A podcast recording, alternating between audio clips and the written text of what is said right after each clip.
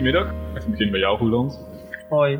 Tweede opname alweer. Er komt vrijdag dus online, in planning. Vanochtend hebben wij al twee uur lang eh, zitten praten. Nu hebben we eh, twee andere personen bij ons. Ik introduceer jullie puur even qua naam en dan mogen jullie het daarna oppakken hoe jullie willen. Misschien kunnen we het beste gewoon bij Lucas beginnen en daarna naar Daniela. Want we hebben eh, bij ons Lucas Roda en Daniela Heert om ja, te gaan praten over Qatar, de Ja. situatie daar en het WK dat daar komende zondag start.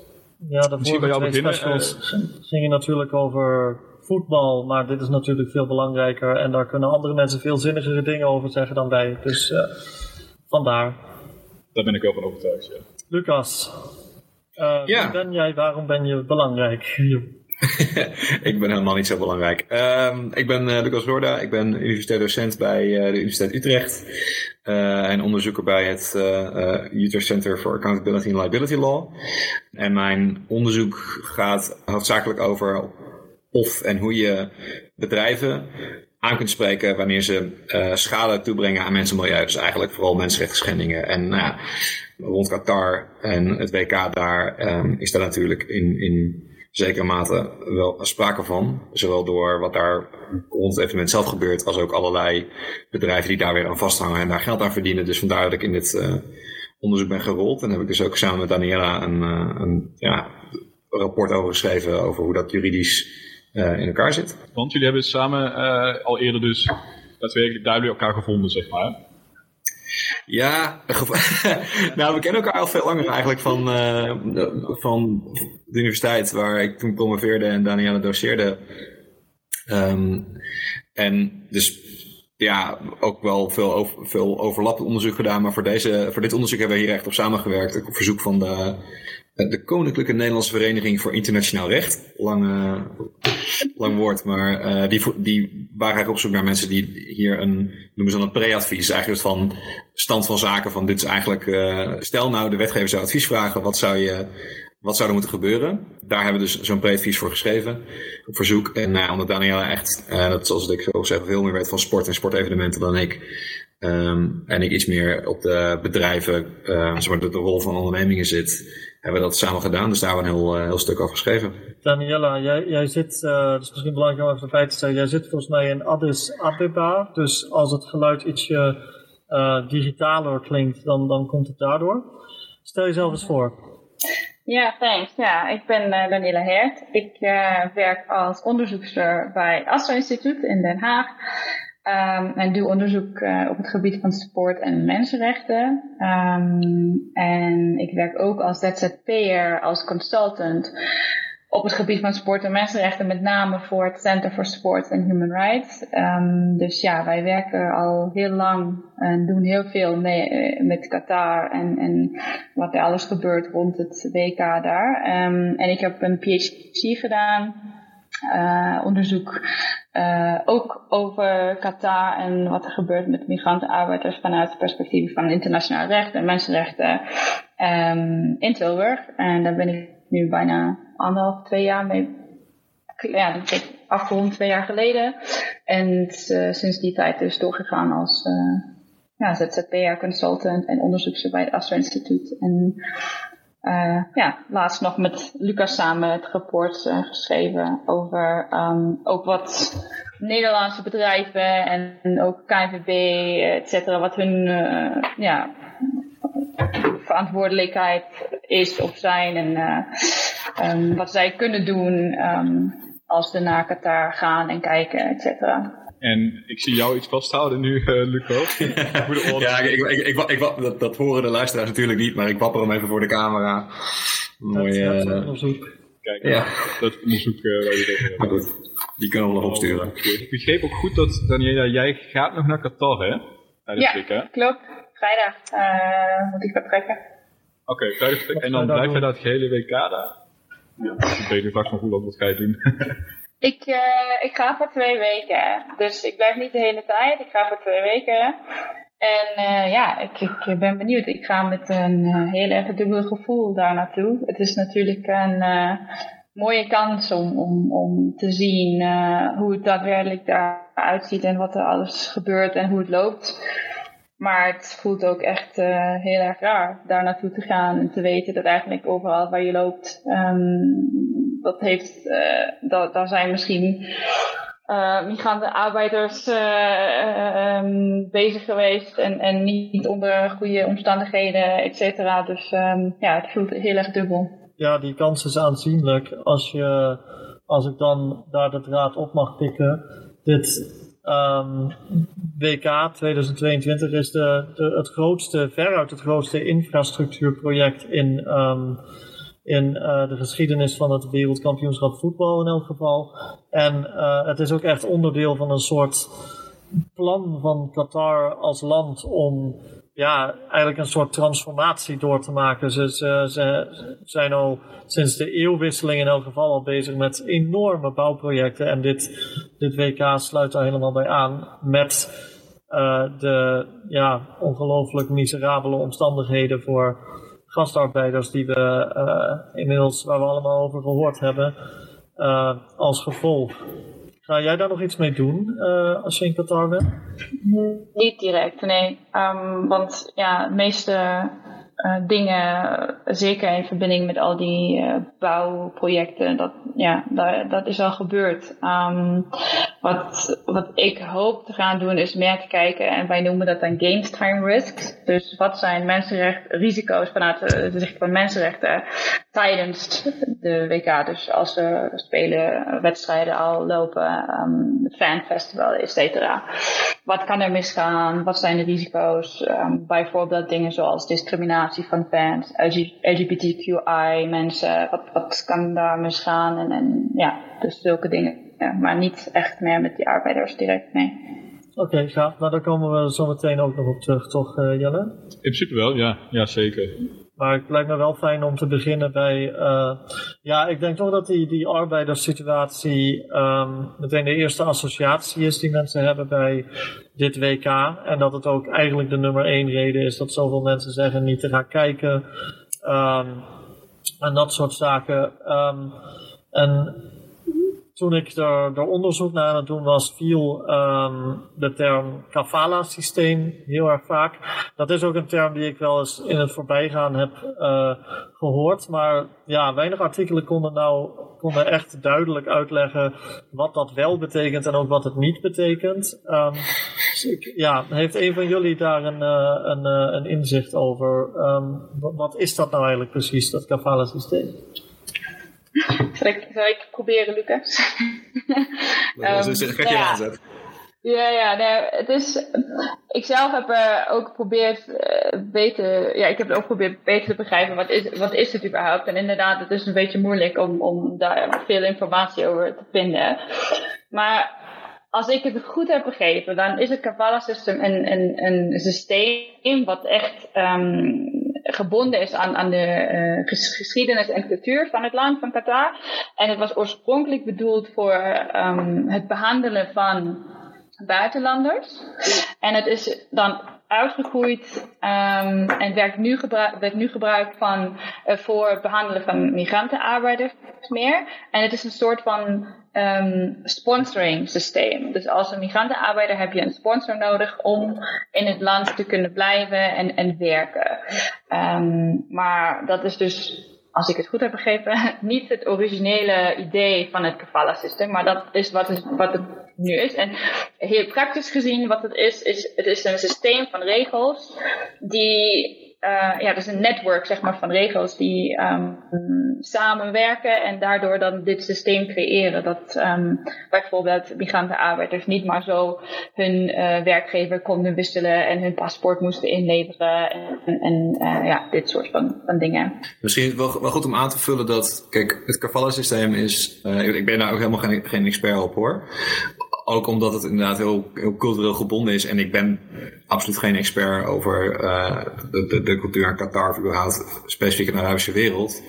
Maar dit soort uh, systemen en dit soort, um, zeggen, nou ja, noem het maar even moderne slavernij varianten, uh, die vind je natuurlijk op meerdere plekken ter wereld. En die vind je ook rond meerdere van dit soort evenementen. Dus systemen die je um, ja, aanwezigheid in een land vasthangen aan een bepaalde werkgever en dat je op allerlei manieren daar uh, misschien niet eens formeel toestemming voor nodig hebt, maar dat je huisvesting ook van afhankelijk is enzovoorts. Waardoor je werkgever een enorme controle kan hebben over jouw bestaan.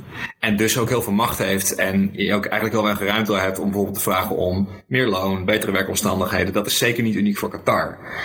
Uh, dus dit is wel een heel belangrijk punt. En misschien komen we er zo nog op terug.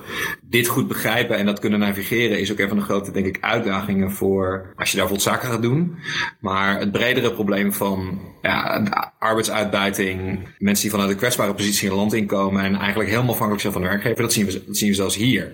Dus ook bijvoorbeeld, noem maar wat, Oost-Europese arbeiders die via een uitzendbureau in Nederland komen werken, uh, en eigenlijk voor alles afhankelijk zijn van de werkgever. En dus ook ja, een non niet helpen trekken als ze onderbetaald worden of, of anders uitgebuit. Um, dat is helaas wel wat universeler. Ook om de indruk niet te achterlaten dat is, dit is nou iets uniek van Qatar. Dus ik denk dat we in het rapport ook schrijven van luister, we hebben het hier nu over omdat het op allerlei manieren zo'n zo'n zichtbaar probleem is. Maar dit zijn problemen die al ja, speelden voor het, dit WK. En zeker opnieuw op andere manieren gaan spelen bij andere sportevenementen. Kun je dan, misschien een gekke vraag, maar kun je dan misschien stellen dat het een goed ding is dat in Qatar of dat een WK op zo'n manier in zo'n land belandt? Ja, daar moest ik ook aan denken. Kijk, dat je dan eigenlijk levert nu ook weer iets op. Of zou je kunnen zeggen, nou ja, we besteden nu heel veel aandacht aan en straks uh, is het 19 december, een dag na het WK, en iedereen is Qatar weer vergeten. Nou, um, ja. Ik, dat is een moeilijk. Gelijk af. Nee, nee ik, ik vind het niet moeilijk. Ik vind, het is een vraag die je niet vaak hoort. Want wat je tegenwoordig hoort altijd is, oh Qatar, slecht, boycott, we moeten daar niet naartoe gaan. Hoe kan dat überhaupt, et cetera. Maar wat je dus minder vaak hoort is dat er ook positieve dingen zijn vanwege die attentie en die aandacht voor Qatar en die druk van uh, de internationale druk van civil society, die de hele afgelopen tien jaar nu op Qatar was. En, en daardoor zijn inderdaad dingen veranderd. Um, misschien, niet misschien, zeker niet genoeg. Maar er is wat veranderd. En er zijn zelfs regels veranderd um, op nationaal niveau. Wat je nooit eerder hebt gezien met een sportevenement. Dus nooit eerder heeft een sportevenement ervoor gezorgd dat er betere mensenrechts, uh, zeg je, protection um, um, komt in een land uh, vanwege die druk en vanwege het feit dat er nu een, een wereld, uh, wereldkampioenschap is in dit land. Dus ja, als je, ik, ik, moet heel eerlijk zeggen, inderdaad kan je zo zien dat het eigenlijk een goede, goede ding is. En, en niet alleen voor Qatar, maar echt in de hele Gulf region zou je eigenlijk kunnen zeggen, het heeft een effect. Die grote vraag is, en dat zei je al zelf, wat, gebeurt er als we straks, uh, als de laatste wedstrijd finals is, is gespeeld en, en wat, wat gebeurt dan? Um, als iedereen weggaat, als FIFA weggaat uit het land, um, wat gebeurt er met die ontwikkelingen, die veranderingen? Um, en ja, en, en nogmaals, ik wil zeggen, is, er is, zeker niet genoeg gebeurd, maar er zijn wel dingen gebeurd en dat heb je zo nooit eerder gezien uh, door een sportevenement. Niet in China, niet in Rusland. Um, dus ja, dat is ja, mijn mening. Ik, ik, deel denk ik voor een groot deel wat Daniela zegt. Um, het is, en ik denk ook, het gevaar hiervan is, is ook de andere kant op dat we heel hard roepen van ja, dit had nooit naar Qatar mogen gaan. Stel nou dat het zeg een jaar geleden dat FIFA had gezegd, nou ja, je hebt toch gelijk, het is toch allemaal uh, niet, niet, niet te verkopen, dus we gaan ergens anders heen. Um, dan was natuurlijk ook het risico geweest dat daarmee de discussie dood, dood was geslagen en het eigenlijk ja, te veel aan het land Qatar zelf laat hangen. En daar heeft er helemaal gelijk in. Dus er allemaal problemen daarvoor. En dit is wel een, een, een geval waar er je op een aantal punten wel merk, merkbaar iets is veranderd. Of ik nou dat voldoende vindt of niet. Ik denk alleen wel. Kijk, die, die, die, die, aandacht voor de impact van sportevenementen op mensenrechten, die was sowieso al, denk ik, groeiende. Uh, door druk vanuit civil society, doordat er gewoon meer over bekend wordt, dat het via social media verspreid wordt enzovoorts. En de vraag die ik dan, die bij mij blijft hangen, is waarom was het nou Qatar waar dat, zeg maar, echt tegen een muur aanliep? Waarom is het nou Qatar waar we dit ook zo centraal stellen? En um, ik denk dat een deel van het antwoord gewoon zit is, we zijn uiteindelijk van Qatar minder afhankelijk. Dus we kunnen er, we kunnen er in zekere zin kritisch op zijn. Ja, wel voor het WK voetbal. Maar als je het vergelijkt met de handelsrelatie bijvoorbeeld Rusland en China, ja, dan heb, je, dan heb je toch echt over andere grootheden. En dus trekt mensen, wordt er gewoon minder hard, in ieder geval vanuit uh, andere staten en beleids, beleidskringen, minder hard gesproken over Rusland en China. Terwijl zonder enigszins af te doen aan, aan de problematiek in Qatar. Maar uh, China is wel echt een andere orde. En daar zijn we, net, zijn we net geweest. Twee keer in tien jaar. Dat is best veel. Dat vind ik best veel. En dat maakt me ook niet per se heel optimistisch over in hoe, hoe effectief die conversatie hierna gaat blijven. Want ja, er staat gewoon echt een enorm groot politiek belang tegenover.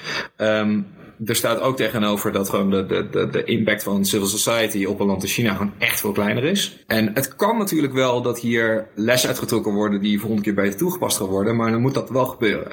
En dat is hetgene waar ik nog, um, dat moet ik nog maar, dat moet ik nog een beetje zien, eerlijk gezegd. Um, laten we ook nooit vergeten hoe deze, deze discussie loskwam. Dat was, het begon niet met de mensenrechtssituatie. Het begon met corruptie. En het begon met gebrek aan voetbalcultuur. Dus ja, waarom gaan we naar een land waar letterlijk geen enkel stadion staat waar we dit kunnen doen, wat geen internationale club heeft, wat niet meedoet, waar, waar totaal geen verbinding is met andere voetbalbonden, want er zich nog nooit gekwalificeerd voor een, uh, voor, voor, een mondiaal eindtoernooi. Dat was, was waar het begon. En in de slipstream daarvan kwamen uh, de vragen over mensenrechten, stadion bouwen enzovoort. Van, hé, hey, wacht even, wat gebeurt er als je in tien jaar de infrastructuur een WK uit de grond stampt? Wie betaalt daar de prijs voor?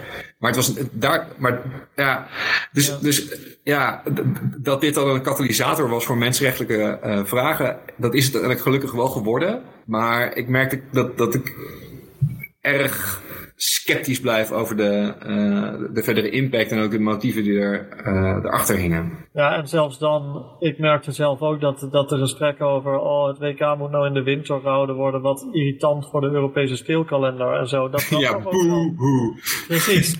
Dat dat ook wel heel erg het, het gesprek bleef domineren, totdat uiteindelijk The Guardian met dat artikel over, nou ja, zij, zij noemde een getal van 6500 dode arbeidsmigranten kwam. En toen kwam het in een soort stroomversnelling, maar dat is nu denk ik drie, twee jaar geleden of zo. En um, dat is, um, ik bedoel, ik was twaalf toen Qatar het WK toegewezen kreeg. Maar ik kan me wel herinneren dat er toen al mensenrechtenorganisaties waren die zeiden: Wacht eens even. Uh, hebben, hebben jullie het plan wel gelezen? Want dit zou zomaar voor heel veel verdriet en, en en gevaar gaan zorgen. En mijn indruk is sowieso best wel vaak dat, dat mensen heel snel de neiging hebben om als, als een persoon of een entiteit nog niks verkeerd heeft gedaan, tussen aanhalingstekens, om dan te zeggen van ja, maar laten we ze een kans geven.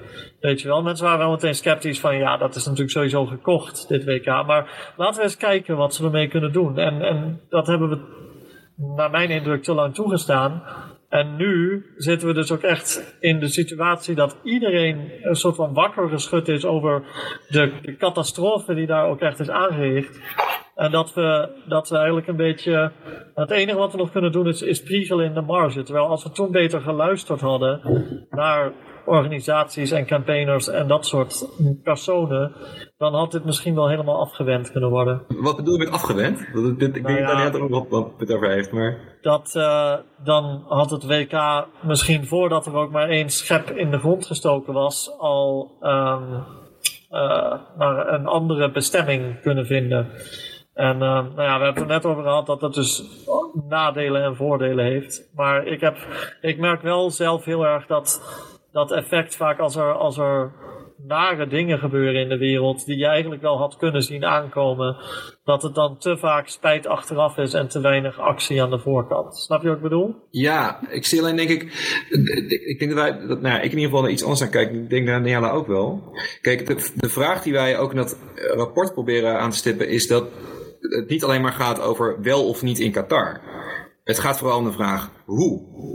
Want je kunt uh, je zegt ja, dat had, voordat er schop in de grond was gestoken, hadden we het ergens anders naartoe kunnen brengen. Ja, maar dat had, dan had je eigenlijk de hele blik dus uh, weer van Qatar afgericht. En daar heeft Daniel helemaal gelijk in, denk ik. Dan was er dus helemaal niet zoveel gebeurd. Want dat kafallensysteem en het probleem met infrastructuur en dergelijke, dat was er al lang voordat het WK kwam. Wat denk ik het probleem is, dat er, dat er veel te laat was Uh, en dus, kijk, dit, is, dit is vanuit vakbonden, want FNV is er ook heel vroeg al mee bezig geweest. En vanuit Civil Society al vroeg aangekaart van luister, als je dit gaat doen, dan moet je heel veel kritische vragen stellen over hoe dit soort projecten tot stand komen. Wie, maakt, wie bouwt deze stadions? Waar houden ze zich aan? Wat zijn de verwachtingen die FIFA daaraan stelt? Uh, wat zijn de, de, de, de, de, juridische regimes die er heen opbouwt? En dus ook Um, hoe kunnen we dit doen op een manier die niet tot uitbreiding leidt? Dat, dat kan dus best. Als je ziet welke hervormingen nu alsnog op plaatsgevonden, wat, het, wat dat laat zien, is dat het best mogelijk is, als maar van het juiste sectoren druk op komt en natuurlijk uh, geld voor is. En dat bereik je veel meer mee door het zo te benaderen dan te zeggen, ja, doe het, uh, doe het veilig of doe het niet. Wat ik wel belangrijk vind om te zeggen, want ik heb gezegd, ja, er zijn wel goede dingen gebeurd nu. Um, ook zijn het maar weinig dingen. En het is wel, je kan het ook positief zien dat het uh, nu zo is als het is. Maar uh, ik vind het is wel belangrijk om te zeggen, zonder het WK in Qatar waren er zeker minder mensenrechtsschendingen geweest. Hè? Dus dat, ja, dat wil ik wel even nog voor de duidelijkheid ja. uh, zeggen. Ja, wat, wat ik, ik, ik denk, waarom mensen nu pas wakker zijn of waarom er nu pas iets gebeurd is. Ja, omdat de druk gewoon steeds hoger wordt. Uh, en, en weet je, voor mij was het zo. Toen ik begon mijn onderzoek te doen op uh, het gebied van uh, sportevenementen en mensenrechten. En dan ook heel erg in detail naar Qatar heb gekeken. Dat was toen in 2013, 2014. Dus het is niet pas sinds 2021, eh, februari volgens mij, of maart was het, met The Guardian uh, artikel over uh, die 6500 migrantenarbeiders. Um, het was al echt 2013, 2014 dat er heel veel over bekend was. Um, en ja, ik denk iedereen heeft gewoon gekeken en gezegd, ja, we, we, kijken wat ze gaan doen daarmee. En misschien lukt het hun wel. En de aandacht was veel te weinig op de mensenrechtssituatie. Um, dat heeft gelukkig toegenomen. Maar die acteuren die eigenlijk echt, leverage hebben en misschien iets kunnen veranderen, zoals bijvoorbeeld regering, regeringen, et cetera, ja, die zijn nu een beetje helpless. en uh, zo, zo voelt het voor mij. En, en het enige wat we nu kunnen bedenken is, ja, boycott, gaan we daar naartoe of niet? Um, maar dat, ja, dat gaat de arbeiders daar niet meer helpen. Nu sowieso niet. Dat is nu sowieso te laat. En daarom is mijn mening eigenlijk, het is veel belangrijker in gesprek te blijven met Qatar om ervoor te zorgen dat ook na afloop van de WK, dat er ook nog gesprekken plaatsvinden, dat er genoeg ruimte is voor civil society en, en, en om te monitoren wat er gebeurt, wat gebeurt met die ontwikkelingen, de veranderingen die er waren. Gaat het nog weer, vooruit of gaan ze gewoon alles weer verwijderen en ze gaan terug naar de situatie van voor 2010? Um, ehm, ja, dat kan dus misschien ook gebeuren. Dus ik, ik vind het nu veel belangrijker om in gesprek te blijven en, en daarvoor te zorgen dat er een soort van positieve mensenrechtslegacy van dit event komt. Uh, dat, ja, dat is wel een groot vraagteken. En hoe zorg je daarvoor, denk je? Want uh, meneer Roeland kent dus een x-aantal mensen die het echt actief gaan boycotten. Uh, Dat zijn dezelfde mensen die ook het gesprek gaan en zullen willen blijven houden na het WK. Maar hoe doe je dat als leeg? Hè? Hoe kun jij er nou voor zorgen dat je daar actief in blijft. Want in de media zal dat langzaam verdwijnen, want zo gaat het altijd. Zeker. En zullen andere dingen weer boven komen drijven. En Qatar verdwijnt langzaam naar de achtergrond. Uh, maar hoe zorg je er dan voor? Ik weet niet of je, dat, of daar überhaupt een antwoord op hebt, of dat een antwoord is, dat het gesprek dus gaande blijft. Ja, nou ja, ik heb geen, geen gouden oplossing of zo, maar wat je wel ziet, en dat, dat is gelukkig nu een aantal jaren zo, dat er steeds meer aandacht is uh, voor het onderwerp van sport en mensenrechten uh, genereel. En, en daardoor ook veel meer um, zeg maar dingen eh, tussen um, of op een internationaal niveau gebeurt in, in, zeg, maar, uh, zeg maar bij de EU of uh, andere uh, organisaties waar mensen, belangrijke mensen samenkomen en daarover praten en policies maken. En er zijn gelukkig, gelukkig ook dingen veranderd bij sportorganisaties zelf. Dus FIFA bijvoorbeeld sinds Qatar. En dat is misschien ook weer één positieve ding die, die je kan vinden uh, in het hele verhaal, van Qatar en de wereld en de WK. Maar FIFA heeft dus hun um, bidding uh, requirements uh, aangepast. En ze vragen nu eigenlijk elk land die het WK willen organiseren dat ze bepaalde mensenrechtsstandaards moeten hebben en, en, en, en mensenrechtsstrategie moeten ontwikkelen voor het toernooi. Um, en dat geldt dus vanaf die 2026 United Wereldkampioenschap.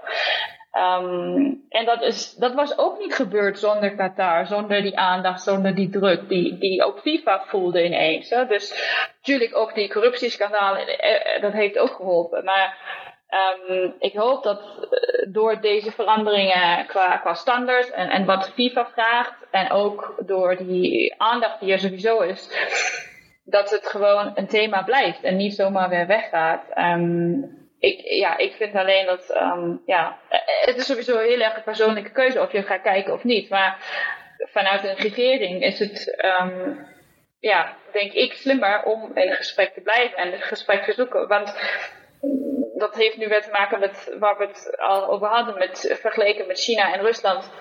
Wat, wat, is het verschil? Ik denk het verschil is ook dat wat je bij Qatar ziet, is dat ze wel een beetje open stonden voor kritiek. En wel eh, dingen hebben veranderd. En dat heb je met China niet gezien en met Rusland ook niet. En, en die reden daarvoor heeft Lucas al uitgelegd. Maar ik vind dat dus wel ook een groot verschil. En, en dat laat misschien een beetje zien dat er meer mogelijk is dan als het een WK in Rusland was geweest. Of en is dat, is dat dan verandering omdat ze dat ook daadwerkelijk zo zien als, hé, hey, inderdaad, jullie hebben gelijk, of is dat gewoon damage control? Misschien heel cynisch, maakt dat uit? We hoeven, we hoeven natuurlijk niet, we hoeven niet, uh, het, het, natuurlijk sowieso altijd allebei en meer, meer dingen dan dat. Want er is, er is niet één verklaring en ik denk niemand zo naïef is om te denken dat een systeem wat lang op, op arbeidsuitbuiting heeft gedreven uh, voor, voor grote projecten, dat dat in één keer uh, tot, tot nieuwe inzicht is gekomen. Alleen stukje bij beetje kun je wel praktijken veranderen. En dan gaat niet alleen maar om, om het, het veranderen van de mening, maar als um,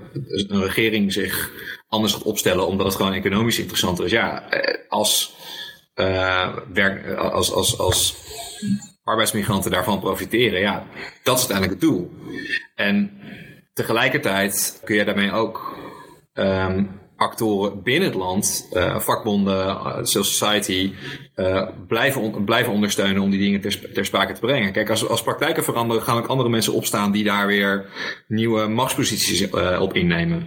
En ik ben niet um, voldoende expert op het gebied van Qatar zelf om te zeggen wie dat in deze, in deze omstandigheden zijn. Maar ze, maar ze, zijn, er, ze zijn er ongetwijfeld. Er stappen nieuwe mensen aan tafel die um, in deze situatie en met deze veranderingen en met deze nieuwe wetgeving beter uit de voet kunnen dan misschien de mensen die, die, daarvoor zaten. Ja, dat is een verschuiving van de balans die ook niet, zo, niet zomaar teruggedraaid is. Dus het maakt helemaal niet zoveel uit of de oude uh, machthebbers misschien zelf tot diepe nieuwe inzichten zijn gekomen. Het gaat erom, zijn er structureel dingen aan het veranderen die waardoor dus de uitkomst beter is. Ik denk dat uiteindelijk, um, kijk, FIFA zelf, uh, misschien wel de hoofdverantwoordelijke voor deze hele, um, nou ja, dat we hier zitten, laat ik het maar zo zeggen. Die, um, de goede en de kwade. Precies.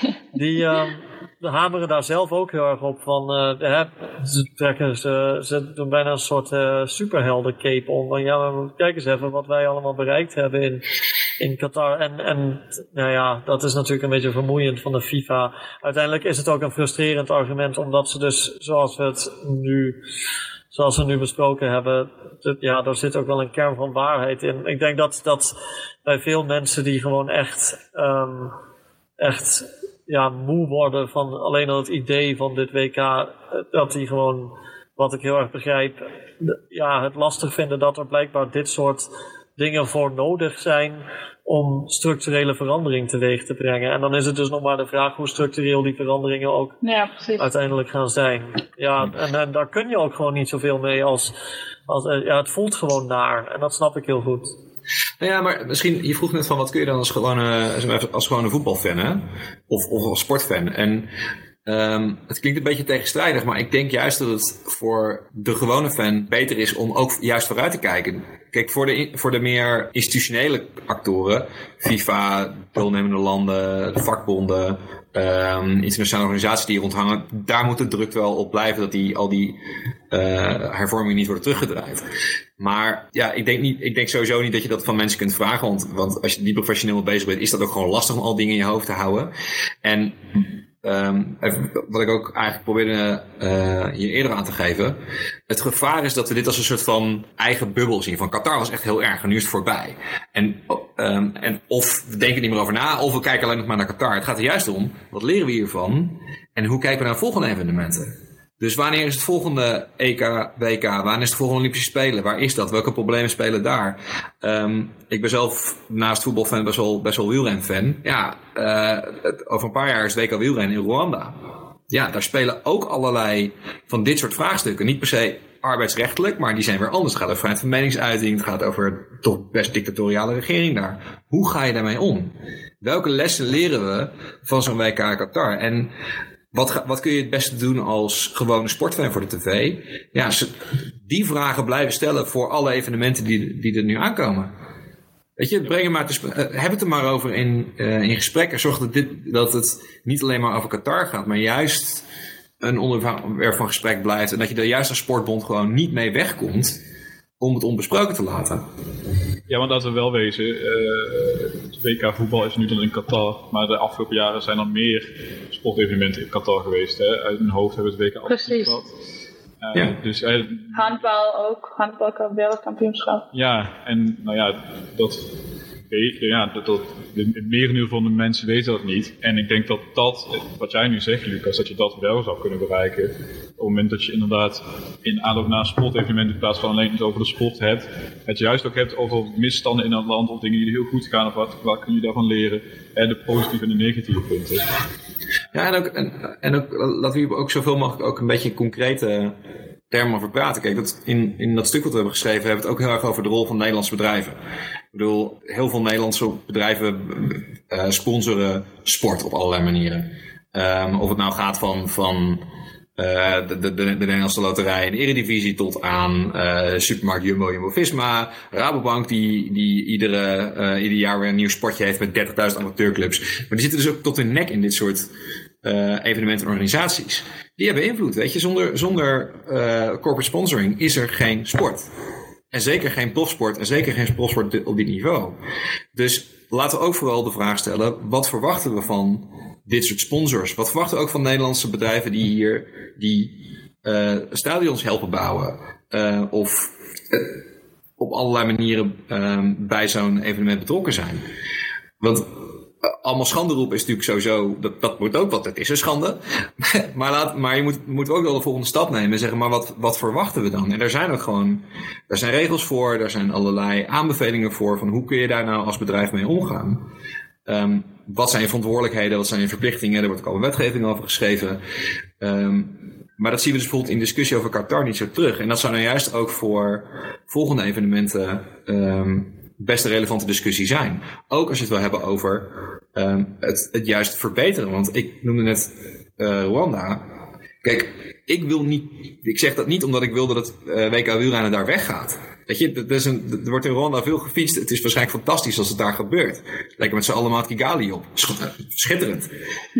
Maar, dan, maar de vraag is dan, hoe gaan we het doen? Hoe zorgen we dat het, een, dat het een goede impact heeft en dat we niet achteraf zeggen, ja, ja, ja, god, het is eigenlijk wel heel rottig dat nu hele wijken zijn weggevaagd omdat men het moeite had met net, weet je?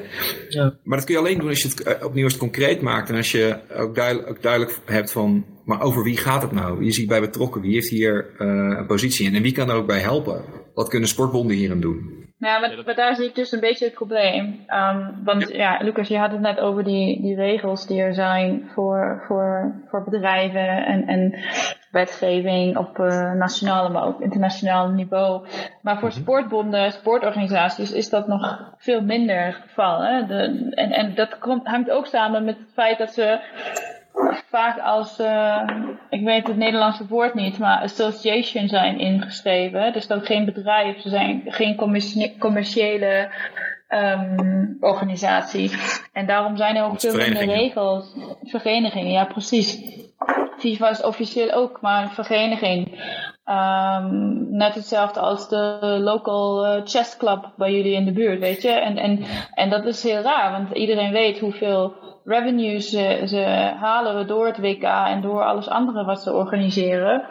Maar door dit soort van, uh, um, ja, hoe ze zijn geregistreerd in een, in een land, zijn er ook tot nu toe minder regels van toepassing. En, en dat maakt het dus moeilijk. Um, maar je ziet dus wel, wat ik net zei, van binnen van FIFA zijn er dingen aan het veranderen. Ze hebben dus eh, zelf een commitment uh, op, op mensenrechten gemaakt. Ze hebben een mensenrechtenpolicy nu. Ze hebben dus die, die bidding uh, criteria hebben ze veranderd. Hetzelfde is gebeurd bij het Internationaal Olympisch Comité trouwens. Want ja, waar we het nu over hebben, dat is niet alleen maar het voetbalwereldkampioenschap. Het is ook de Olympische Spelen, zomer- winterspelen, waar heel veel misloopt. Dus ja, er zijn dingen aan het veranderen, maar we moeten echt blijven pushen als we willen dat het uh, door blijft gaan. En um, ja, ook in gesprek blijven. Dat is dus eigenlijk mijn mening. Je kan heel veel over iets zeggen, maar als je dan niet ook bereid bent om daar naartoe te gaan of met diegene samen te werken, dan ga je ook niks veranderen, denk ik. Er zijn ook geruchten geweest om de organisatie van een WK door uh, Saoedi-Arabië. Ja, 2030 inderdaad, met Griekenland ja. en Egypte. Zou dat zulke landen nu af kunnen schrikken door wat, het, wat, door wat Qatar nu teweeg heeft gebracht, zeg maar. Want ik weet niet of je het zo kunt stellen, maar misschien heeft Qatar wel spijt. Zou dat dan ook kunnen betekenen dat in de toekomst dat andere landen afschrikt? Of blijft die, ja, misschien moet je het zo niet omschrijven, die arrogantie er toch wel zo van, kan gewoon doen. Wij kunnen dat. Ik, ik denk niet dat Qatar spijt heeft. Uh, ik denk precies het tegenovergestelde, moet ik eerlijk zeggen. Ik denk dat ze wel long-term thinkers zijn en dat ze ja, het was waarschijnlijk moeilijker misschien dan ze hadden verwacht. Maar ik denk niet dat al dit helemaal onverwacht was, wat er nu is gebeurd. En afschrikken vind ik heel moeilijk te zeggen. Ik, ik denk, nou ja, omdat er dus nu nieuwe regels zijn, is het zeker iets moeilijker voor landen zoals Saudi-Arabië om een toekomstige voetbalwereldkampioenschap uh, te organiseren. Um, en als ze dat willen doen, dan moeten ze dus een mensenrechtsstrategie hebben. En ze moeten dus officieel een statement maken dat ze internationale mensenrechten gaan respecteren. En, en, en, um, uh, hoe zeg je dat? Een, een mechanisme opzetten zodat als er iets misgaat, dat er ook een oplossing wordt gevonden en compensatie, et cetera. Dus daar moeten ze dan eigenlijk aan voldoen. Um, of ze dat willen doen, ja, dat uh, weet ik niet. Wat wel interessant is, ik, ik, weet, niet of, ik weet niet in hoeverre dat uh, heel erg bekend is, maar er was een tijdje geleden was er een plan om het aantal teams die deelnemen bij het WK in Qatar nu, om die omhoog te zetten. Maar dat zou betekenen dat Qatar te klein was geweest om, die, om het WK uh, te organiseren. En toen was uh, FIFA met Oman en Saudi-Arabië in gesprek. En toen hebben ze ook weer gezegd, oh, dat zou een heel, heel goede ontwikkeling zijn. Dan kunnen die landen weer met elkaar in gesprek komen, et cetera.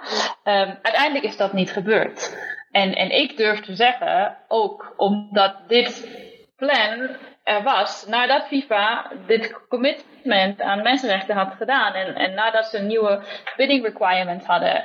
Um, en daardoor kwam er ook heel veel druk vanuit civil society. Hè? Dus um, ik weet natuurlijk niet of dat echt die reden was uh, waarom het niet is gebeurd, maar het zou een reden kunnen zijn. En uh, dat is dan weer een goed teken. Ja. Je kunt je ook afvragen van, uh, ik denk twee dingen wel een rol spelen. Het ene is dat in hoeverre dit afschrikwekkend is, even, even die term te gebruiken, voor land Saoedi-Arabië, hangt ook af van in hoeverre het gehandhaafd wordt.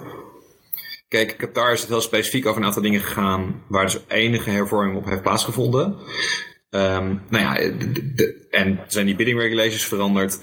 De vraag is, kom je vervolgens nog steeds weg met een beleid dat mooi is op papier, maar in de praktijk niet heel veel uithaalt. En dat gaat dus heel erg zitten in hoe streng FIFA uh, die regulation, die bidding regulations volgens dat handhaven of gaat gebruiken voor beoordelingen. wat willen ze zien voordat ze het accepteren? Of is het voldoende dat je een mooi plan schrijft en het vervolgens eigenlijk in de praktijk heel moeilijk is om dat, te checken? Um, ja, daar, daar hangt denk ik heel veel van af. En het tweede is dat, ja, je, gebruikt het afschrikwekkend. En bij mij bekruipt wel een beetje het gevoel dat het het probleem zou zijn als bepaalde landen zich terugtrekken van zo'n bidding procedure. En hoewel ik het absoluut met Daniela eens ben dat in gesprek blijven en proberen juist die invloed te gebruiken om verandering uh, te bewerkstelligen.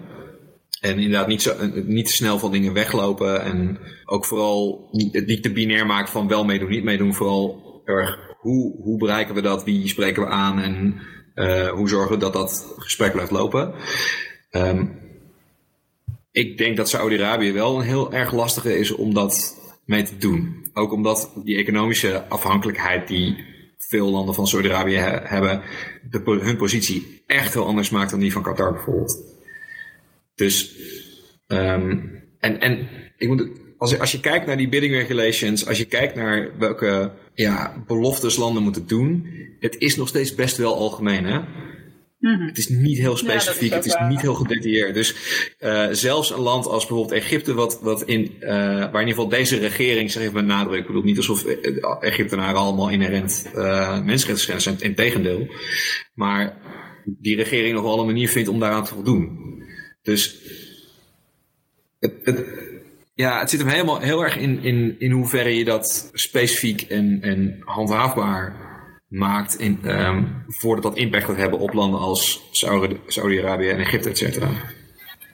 Ik, um, uh, om dan omwille van de tijd bij uh, specifiek bij Qatar te blijven. Um, ik hoef het jullie niet uit te leggen, maar wat, wat er heel erg in de golf staat aan de hand is, dat hun, um, hun welvaart, in ieder geval hun rijkdom, dat die voor een heel groot deel afhankelijk is van een eindige bron aan grondstoffen waar ze um, uh, bovendien leven we in een maatschappij waar toch hopelijk ooit een keer er vooruitgang wordt geboekt in het terugdringen van het gebruik van fossiele brandstoffen. En dat betekent dat deze landen een andere strategie moeten gaan verzinnen om hun rijkdom, hun welvaart te behouden. Um, ja, sorry dat je hier onderbreek, uh, Roland, maar dat, dat, dat is dus niet helemaal zo, hè? Oh. Um, kijk, een van de grote dingen die nu in het Midden-Oosten aan het gebeuren is, is dat een aantal landen heel erg hard bezig is hun economie om te vormen van een olie-economie naar een diensteconomie. Uh, de Verenigde Arabische Emiraten is daar een van de beste voorbeelden van. Die zijn echt bezig hun uh, economie om te bouwen naar iets rond met name financiële dienstverlening. Uh, heel veel markten lopen nu al, al via, bijvoorbeeld via Abu Dhabi. Qatar, Qatar geldt een beetje hetzelfde voor. Um, en Saudi-Arabië zit nog een beetje, um, daar zit ook nog veel meer olie in de grond. Maar dat is nou juist een van de redenen dat, dat ze ook al die sportevenementen naartoe trekken. Omdat een grote diensteconomie moet ook aantrekkelijk zijn voor buitenlandse uh, investeerders, grote, grote bedrijven. Als jij olie hebt, maakt het geen barst uit wat ze van je denken. Maar als jij een, bijvoorbeeld een vakantiebestemming wil worden, als jij een, uh, een, een, ja, inderdaad een, fin een financieel uh, centrum wil worden, als jij um, het, het buiten wil uitstralen, wij zijn modern, open en, en aantrekkelijk, dan moet je ook een, een beetje een, een aantrekkelijk gezicht naar de buitenwereld hebben. Die sportevenementen zijn daar, zijn daar juist essentieel voor. Dat is een van de grote redenen dat er zoveel naartoe getrokken worden. Dat is het punt, uh, dank je, dat is het punt waar ik uiteindelijk naartoe wilde. Um, Sorry, ik was een uh, beetje voor. Nee, ja, dat, dat is, dat, uh, het is uiteindelijk alleen maar fijn als jullie zoveel mogelijk zeggen en ik zo weinig mogelijk, want ik uh, ratel soms nog wat door. Um, maar ik, ik hoor Daniela net zeggen, um, het is dus eigenlijk vooral reclame voor Qatar. Zowel naar potentiële toeristen als naar westerse bedrijven, bedrijven uit andere delen van de wereld toe. Van kijk eens wat voor, interessant, uh, wat voor interessante mogelijkheden wij kunnen bieden. En ik hoor Daniela net zeggen, um, ik denk niet dat Qatar er spijt van heeft. En uh, ik ben wel benieuwd, um, in welk opzicht is die missie geslaagd? Want ik denk dat Qatar, voordat dit WK toegewezen werd, konden de meeste mensen niet eens het aanwijzen op de wereldkaart. Nu waarschijnlijk nog steeds heel veel mensen niet, maar je snapt wat ik bedoel. En, en het enige wat, ik wat ik eigenlijk van Qatar weet, nee ja precies. Maar het enige wat ik nu eigenlijk van Qatar weet is, ja, mensenrechten schendingen, mensenrechten schendingen, mensenrechten schendingen. Nou snap ik dat ik niet de target audience van deze hele reclamecampagne ben geweest, maar, maar is deze, deze missie van sportswashing, zoals dat dan heet, niet eigenlijk totaal gefaald?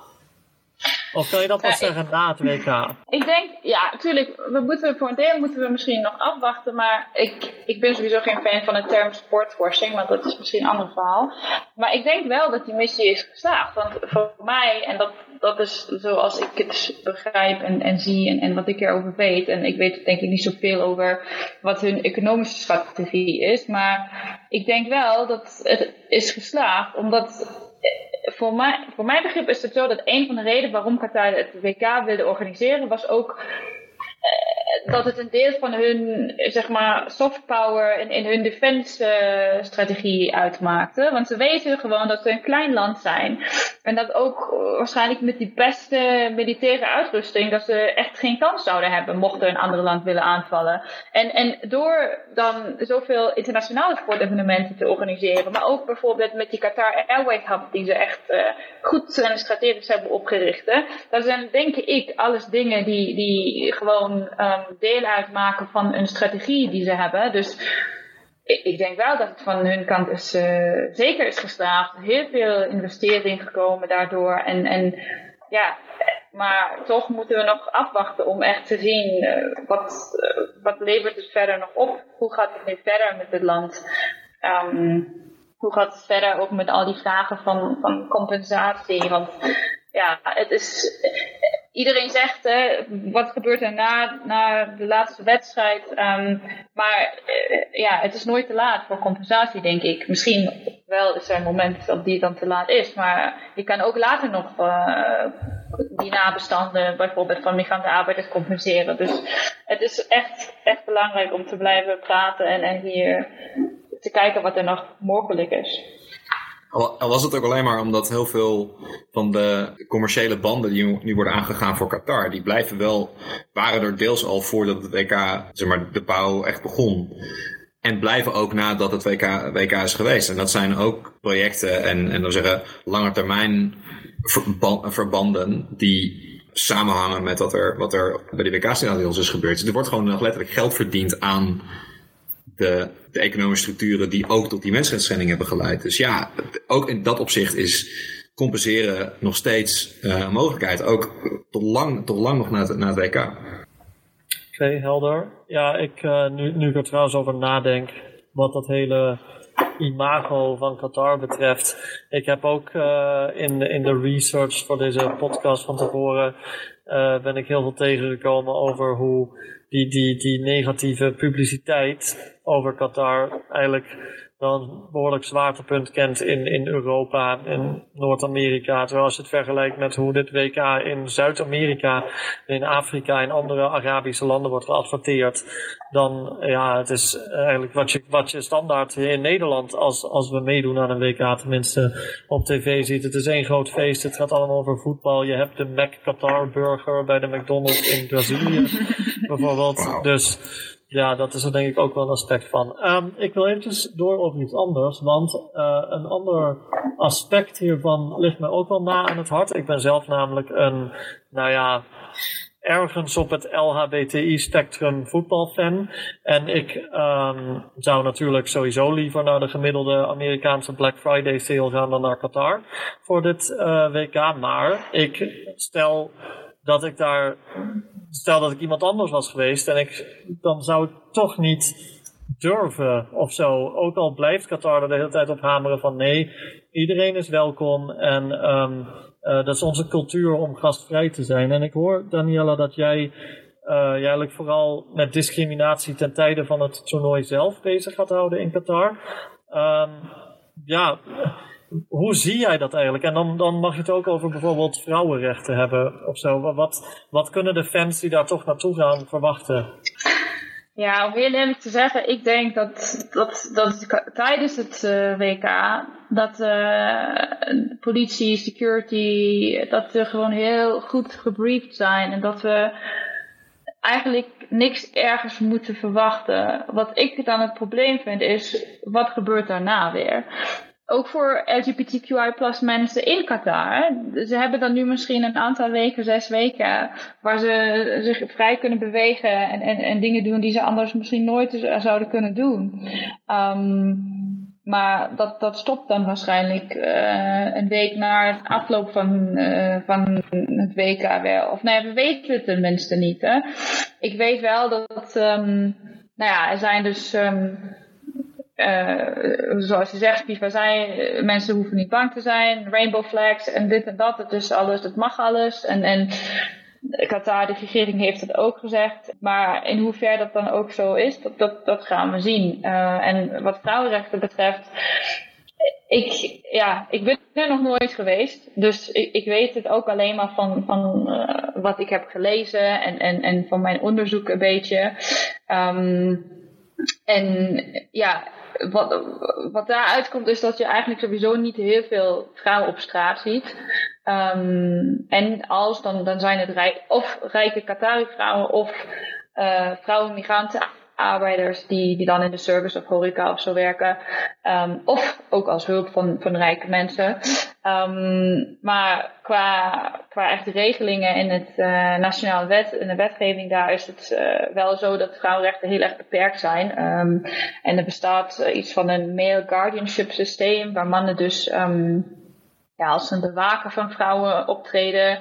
En, en dat betekent dus dat vrouwen niet zomaar uh, mogen kiezen met wie ze willen gaan trouwen, of, of welke baan ze mogen uh, willen accepteren, of als ze in het buitenland willen studeren. En ze hebben dus voor bijna alles echt toestemming nodig. En dat is natuurlijk heel erg discriminerend en, en, en een schending van, van vrouwenrechten.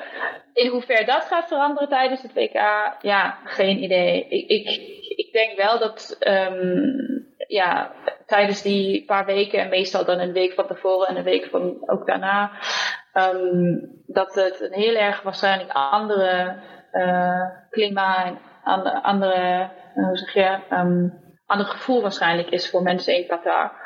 Uh, want ze weten, iedereen kijkt naar het land voor die weken. Als er nog twee dingen op, kan aanvullen. Ik weet te weinig van de, de um, die, die specifieke situatie in Qatar om, om iets anders zeggen dan wat, dan wat Daniela zei. Alleen uh, in zijn algemene zijn denk ik ook twee dingen waar, je, waar het ook goed is op te letten.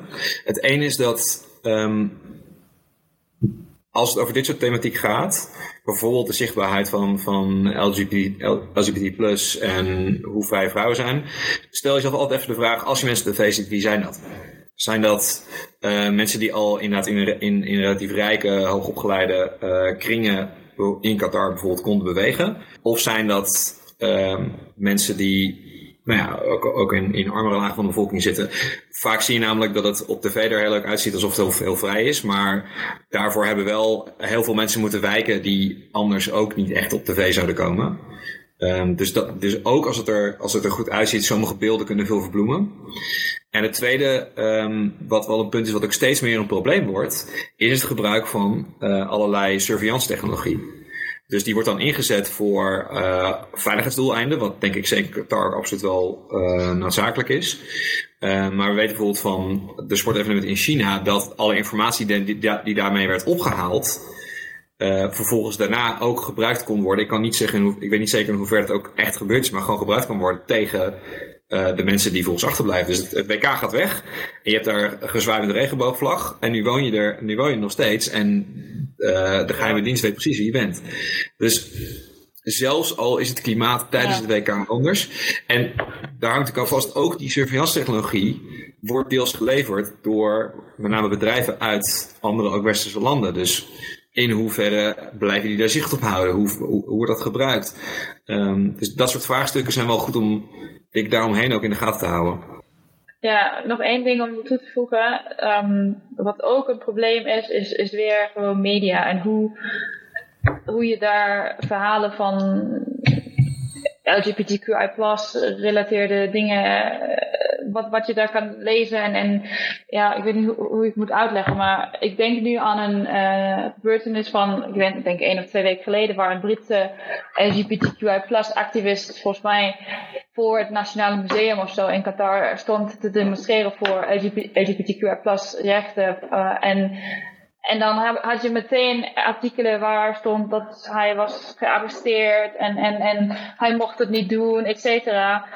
En, en dan heb je weer ook andere artikelen die dan heel iets anders uh, schrijven en berichten. Hè? Dat, uh, het enige wat er was gebeurd is dat de politie kwam die hem vroegen of hij uh, zijn, hij had een poster volgens mij, of hij die kan weghalen. En, en volgens mij hebben ze hem gevraagd dat, dat hij kan stoppen of zo. Ik weet het niet meer goed, maar wat ik wil zeggen, het is gewoon ook zo moeilijk, want media heeft ook een, eigenlijk een grote verantwoordelijkheid om het duidelijker te maken wat er eigenlijk gebeurt. En, en, en soms zie je dan alleen maar van die headlines die dan heel verschillend zijn, maar het gaat over hetzelfde verhaal. En, en ja, daar word je dan ook niet uh, slimmer van. En dat maakt het soms ook heel erg moeilijk om die situatie in te schatten, om, om informatie te krijgen. Um, ja, is misschien ook nog één ding want kijk, het kan dus eigenlijk, kun je het zo wel stellen dat, stel je bent journalist, je gaat uh, straks vier weken naar Qatar toe. Ik weet dat de NOS een uh, speciaal iemand stuurt om echt die dingen te gaan behandelen. dat als jij bijvoorbeeld, dat je van iemand een target kunt maken terwijl jij een goed verhaal over diegene wil vertellen. Maar je zou eigenlijk, als je diegene niet anoniem aan het woord zou laten, schrijvend, opnemend, wat dan ook, of zoals wij nu doen via een podcast, mm -hmm. dat je eigenlijk van die persoon die in Qatar leeft, een target kunt maken. Uh, zonder dat je Dat zou kunnen gebeuren, zeker. Ja. Dus dat, is dan ook weer, dat ligt dan ook weer in de verantwoordelijkheid van, van ja. die rapportgevers, dat ze heel goed zelf um, ja, nadenken en ook gewoon inschatten, uh, risico inschatten. Is dat slim om te doen of niet? Dat, dat blijft gewoon. Maar dat heb je ook in landen zoals China en, en Rusland. En, en daar zie ik wel echt uh, nog een probleem. Want ik denk dat het niet heel veel um, broadcasters, dat ze daar echt mee bezig zijn. En heel goed over nadenken. Tenminste nog niet. En ja, dat kan dus zomaar daar is natuurlijk wel, wel al nodig over. In breed, ik weet niet of dat, of dat bij de NOS, uh, hoe zij daarmee omgaan, dat, dat, dat, weet ik niet. Maar daar is in, in de journalistieke wereld al vrij veel gesprek over, discussie over. Met name bij journalisten die conflictgebieden werken. Is natuurlijk, dit natuurlijk al heel lang een bekend, een bekend fenomeen. Maar inderdaad, dat is denk ik, denk ik um, het interessante eraan, zometeen in Qatar komen ook allemaal gewoon sportjournalisten die daar helemaal niet per se in opgeleid zijn. Dat, dat hoeft natuurlijk ook helemaal niet. Je, je, bent, je bent sportspecialist en dat is echt een andere um, tak van sport. ja, zo, hij moest even. Maar, dat zal ook de reden zijn waarom NOS hè, iemand anders dan nog extra verstuurt. Uh, ja. En niet zozeer die taak overlaten aan bijvoorbeeld een Jeroen Stekelenburg. Uh, maar dat specifiek iemand neerzet die dat wel dus ja, dus dat, dat, ja, dat, maar het is misschien ook wel goed om dat als nieuwsconsument ook te weten. Roeland gebruikte de term sportswashing, ik gebruik die term ook. Uh, en toen hoorde ik jou zeggen, ik zou liever een andere term gebruiken. Nou, ik zei niet, ik zou liever een andere term gebruiken, want ik zou niet weten wat voor term. Maar wat, waarom ik het term een beetje moeilijk vind, is gewoon omdat het, ja, het is een breed concept. En, en het, ik, vind het is een concept. Ze proberen gewoon heel veel verschillende motivaties en heel veel verschillende situaties onder één concept te brengen. En meestal betekent het, dus, betekent het dat, dat een land sport en, en met name sportevenementen gebruikt om een betere imago te creëren van het land zelf naar buiten, maar ook naar de eigen mensen in het land. Um, en in, internationaal in een positieve beeld te komen en, en, en, en meer invloed te krijgen, et cetera. Maar je ziet wel dat er, ja, dat, dat er verschillende motivaties achter staan en ook verschillende situaties uh, zijn. Met Qatar denk ik dus, heb je een beetje kunnen zien dat ze open stonden voor kritiek en, en ook dingen zijn veranderd en, en in gesprek zijn gekomen met, met andere landen en, en, en misschien een beetje begrip hebben ge, uh, kunnen tonen om, om dingen te veranderen. Maar ja, eh, ze hebben dan denk ik een andere motivatie met zo'n sportevenement dan misschien Saudi-Arabië of China of Rusland. En, en daarom vind ik het gewoon een beetje moeilijk um, dit te gebruiken. Want misschien is het niet altijd zo dat een land probeert iets uh, zeg maar te wassen echt. Hè? Um, ja, dat is eigenlijk de reden waarom ik het een beetje moeilijk vind. ik weet niet of dat duidelijk is. Jawel, nee, jawel. jawel zeker. Ik, ik, vroeg me dat af omdat je dat aangaf en ik zag Lucas daar... Uh, wij knikken niet zozeer omdat je dat deelt, maar omdat je dacht van hé, hey, ik begrijp waar het over heeft. Ja, ik, ik heb er zelf minder, minder um, een sterke associatie bij, maar ik gebruik de term eigenlijk zelf ook niet. Ook inderdaad omdat, ja, wij hebben het heel vaak inderdaad over reputatie. En, de, en natuurlijk, we hebben het ook een beetje gehad over uitstraling naar buiten, en dat is absoluut relevant. Maar anders dan bijvoorbeeld een bedrijf wat veel dingen verkoopt aan consumenten, spelen bij een land, en trouwens heel veel andere bedrijven, spelen natuurlijk veel meer, en dat is dan heel terecht, andere dingen een rol. Dus ook gewoon puur commercieel, uh, gewoon militair strategisch. En ook, weet je, aan wie probeert te verkopen? Want wij kunnen misschien, uh, even als westerse consument tussen aanhalingstekens, um, denken van nou ja, het is toch, een leuker land geworden enzovoorts. Maar dat is misschien helemaal niet, niet zo ontzettend, interessant. Ten, opzichte van wie probeer je op de kaart te zetten. Ja, de term sportswashing dekt helemaal niet de lading van hoe Qatar zich probeert op te stellen in internationaal verband, als partner van dit soort evenementen, als organisator, als, nou, um, ja, als diensteconomie, zoals, zoals ik al eerder zei. Dus um, het is gewoon een vage term die een heel aantal dingen niet dekt. En een aantal andere dingen wel, die eigenlijk niet zo enorm goed aan elkaar, aan elkaar gerelateerd zijn. Dus ik, ik deel Daniela's uh, weerstand er tegen wel een beetje. Durven jullie je aan een voorstelling te wagen over wat voor, wat voor WK dit gaat zijn de komende vier weken? Ik weet toen het WK in Rusland was vier jaar geleden. Toen was vooraf heel erg de verwachting van, oh, er gaan allemaal incidenten plaatsvinden en, en het wordt helemaal chaos. Misschien, dat had toen ook uh, bijvoorbeeld met hooliganisme te maken, maar toen ging het ook mhm. veel over regenboogvlaggen en over politiek gekibbel. Um, en daar is eigenlijk uh, helemaal niks gebeurd. Het is, het is allemaal vrij rustig verlopen, wat natuurlijk niet per se iets goeds is, dat, dat, dat het voetbal de wel degelijk aanwezige issues ja, overschaduwde. Maar, maar wat kan ik verwachten op dat gebied als, als ja, iemand die het WK gaat kijken? Ik, ik snap dat dat moeilijk is om te, om te zeggen. Ik dacht dat jij ging vragen of, uh, of ze zich wilden wagen aan een voorspelling wie het WK Nee, nee, zeker nee, Dat dacht ik ook, maar ik ben blij dat het niet zo is. Want geen idee. Voor, voor, wie ga je um, eigenlijk, uh, Daniela? ja, Duitsland of Nederland, altijd uh, vragen. Nee, ik weet het nog niet, we gaan het zien. Um, Nee, um, nou ja, ik, mijn eerste reactie is, ik denk dat we gewoon een heel grote show gaan zien. En een heel grote, ja, het gaat een grote bubbel zijn. En, en, en ja, het wordt denk ik alleen maar groot gemaakt en, en heel feestelijk, et cetera. Maar wat, wat ik wel interessant vind, of interessant vond, een uh, collega met wie ik daar naartoe ga, die, heeft al jarenlang uh, in Qatar gewerkt en geleefd. En hij zei, in voorbereiding voor Qatar, kunnen jullie misschien op Netflix die docu, um, die docu Trainwreck Woodstock 99 kijken. En dat heb ik dus gedaan. Ik weet niet of jullie dat al hebben gedaan. maar ik, ik, ja, ik vind het een beetje erg. Dus ik, ik hoop niet dat hij gelijk heeft. Um, maar er zijn natuurlijk heel veel berichten ook over fanaccommodaties die nog niet af zijn, of waar nog water, waar nog geen water is, of die geen toegang uh, naar, naar, eten en restaurants en al, et cetera hebben. Dus ja, het zou ook zomaar kunnen gebeuren dat het uh, qua fans dat er heel veel frustrerende fans zijn en, en dat de hele, hoe zeg je dat, atmosfeer niet zo positief is. Nee, ik weet het niet. Ik, ik denk dat ik verwacht eigenlijk een beetje hetzelfde. Ik denk niet dat die hele discussie over mensenrechten enzovoort een heel, een heel grote rol gaat spelen.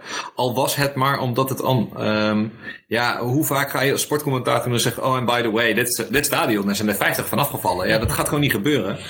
En um, ik denk ook eerlijk gezegd dat heel veel zenders het lastig vinden om het, om het anders onder woorden te brengen. Dus het gaat wel hier en daar langskomen, maar niet Um, niet heel uitgebreid. Ik denk dat. Ik, het, is misschien ook, ik merk dat het, het, het leeft onder mijn meer voetbal de vrienden ook niet zo heel erg. Dat komt volgens mij ook vanwege waar het in het jaar zit. Iedereen is hard aan het werk. Weet je, is het echt midden in een soort van, van najaarswerkdruk. Uh, in plaats van in de zomer, uh, terwijl je er echt naartoe hebt geleefd. Het seizoen ten einde. We hebben net, net de competitie onderbroken. Dus het is een heel andere sfeer sowieso. Dus het, het, het eh, het is minder al, al iets waar mensen al heel erg in zitten. En als er dan, zeg maar, bijvoorbeeld inderdaad atleten te laat, sporters niet goed aankomen, fans vervelende plek hebben, of er is gedonder met, weet ik veel, het Oranjeplein enzovoorts. Ik denk eerlijk gezegd ook dat de hoeveelheid fans daar best wel beperkt gaat zijn, al was het alleen maar gewoon vanwege de werkweek. Dus ik, ja, het heeft niet heel veel met denk ik, het onderwerp van deze podcast te maken, maar ik vermoed dat het gewoon een beetje meh wordt bij elkaar. Een beetje ja, en, en ook gewoon teams die, en, en voetballers die niet leveren zoals, uh, zoals ze uh, misschien worden verwacht te leveren. Uh, sterren die nog een beetje gefrustreerd raken. Um, ik, als ik heel eerlijk ben, verwacht ik een beetje een WK van frustratie. Maar goed, we gaan, we gaan het zien. Dan hebben wij en dan hebben ze spijt trouwens. Dan gaan ze echt spijt hebben. We hebben gelijk een mooie quote voor boven deze. Ja. WK van frustratie. Ja, het WK van frustraties. Ik denk dat je het dan uh, kunt schrijven. Ik had daar nog helemaal niet zo over nagedacht, maar ik denk dat je daar wel eens uh, een heel goed punt kunt hebben. Waar het, waar het wel leeft in elk geval. Um, het enige in, in nou, een van de dingen, het is helemaal niet het enige, een van de dingen waar ik um, me wel een beetje aan erger in hoe westerse media spreken over dit toernooi, is uh, dat er dus steeds wordt gehamerd op die, um, die Qatarese voetbalcultuur of de, de afwezigheid daarvan. En, en dat dat de sfeer gaat, dat, dat gaat een heel slechte sfeer hangen en zo. Maar ik weet inmiddels wel na na allemaal reportages erover gekeken te hebben, dat dit veel meer gezien wordt in de Arabische wereld als niet een, niet een WK in Qatar specifiek, maar een WK voor de hele Arabische wereld. Het is de eerste keer dat er een WK in de Arabische wereld gehouden wordt. En ik denk dus, als er ergens een feestje gebouwd gaat worden, uh, als ik ze zelf mag geloven, de supporters, uh, dat is, dan, um, dan wordt het wel daar. En dat, dat gun ik ze natuurlijk ook heel erg. Uh, ik denk wel dat, dat de Arabische wereld het verdient om een, gewoon in principe verdient om zo'n feestje te mogen organiseren. Alleen is het allemaal op deze manier verlopen. Maar dat, dat maakt het lastig voor, voor de manier waarop je er in de media over praat. Want we gaan natuurlijk ook wel oprecht enthousiasme en oprechte blijdschap zien. En, en het wordt moeilijk om, om ja, het onderscheid te maken tussen wat is geregisseerd, wat is um, het beeld wat Qatar wil dat we zien, en wat is ook gewoon ja, oprechte, oprechte vreugde of zo. Dus het, is, het wordt heel interessant. Ik denk dat we met de podcast in elk geval heel veel te bespreken gaan hebben. Uh. Je, hebt wel, je hebt wel helemaal gelijk. Het, het leeft hier inderdaad niet heel sterk. En hier is, ik denk meer de nadruk op, op de problematische kanten. En, en ook wel terecht.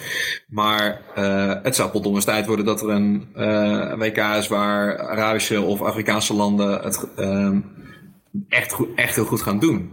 Ja. Weet je, en als, dit, als het vol met fans komt te zitten uit niet-Europese landen. Um, ja, all the better, weet je. Dus daarom, dat vind ik wel belangrijk om achter te laten. We, we zijn erg geneigd om soms te denken van, nou, dan doen we het maar gewoon in allemaal landen van onbesproken gedrag. Nou, ten eerste zijn die niet, wat ook, denk ik dat Daniela al uh, in het rapport vrij goed aankaart. Zelfs in Londen gaan er shit, echt, gaat er shit echt mis uh, op mensenrechtelijk gebied. Met gedwongen huisuitzettingen en beveiligingsproblemen enzovoorts. Maar dit soort evenementen moet, ook, moet echt overal ter wereld kunnen plaatsvinden. Weet je, die fan, de fans zitten ook overal. Uh, Ivoorkust, Senegal hebben een fantastisch grote voetbalcultuur. Weet je, het is natuurlijk belachelijk dat we daar, dat we daar nog uh, veel te weinig hebben georganiseerd. Dus daarom denk ik, Ram was deze op um, niet of, maar hoe. Ja. Want het kan wel degelijk. Om uh, af te sluiten met een dooddoener. Daniela, jij gaat naar Qatar dan. Lucas, ga jij kijken op televisie naar het? Uh, ik was eigenlijk, ik was het eigenlijk niet van plan. Maar ik, ben ook, ik wil ook niet zo'n zo'n zo'n eikel zijn om te zeggen, als weet ik veel vrienden me uitnodigen, nee, ik kom niet, ik boycott. Maar zoals je merkt, ik zit er met mijn hoofd ook niet zo heel erg bij het, bij het, het voetbal dit jaar. En ik heb het ook gewoon, ook gewoon best wel druk, dus ik blijf er niet voor thuis. En jij Daniela, buiten die twee weken om? Um, ik weet het niet. Ik denk dat wordt moeilijk omdat ik hier in Ethiopië zit. En we hebben niet eens een TD meer sinds twee dagen. Maar um, ook omdat ik twee kleine kinderen heb. En uh, nee, voor mij zijn andere dingen wel belangrijker. Um, en ik, ik zou misschien kijken voor de, ja, voor de gezelligheid als er mogelijkheid is. Maar niet omdat ik heel veel interesse heb in de sportieve resultaten. Um, nee.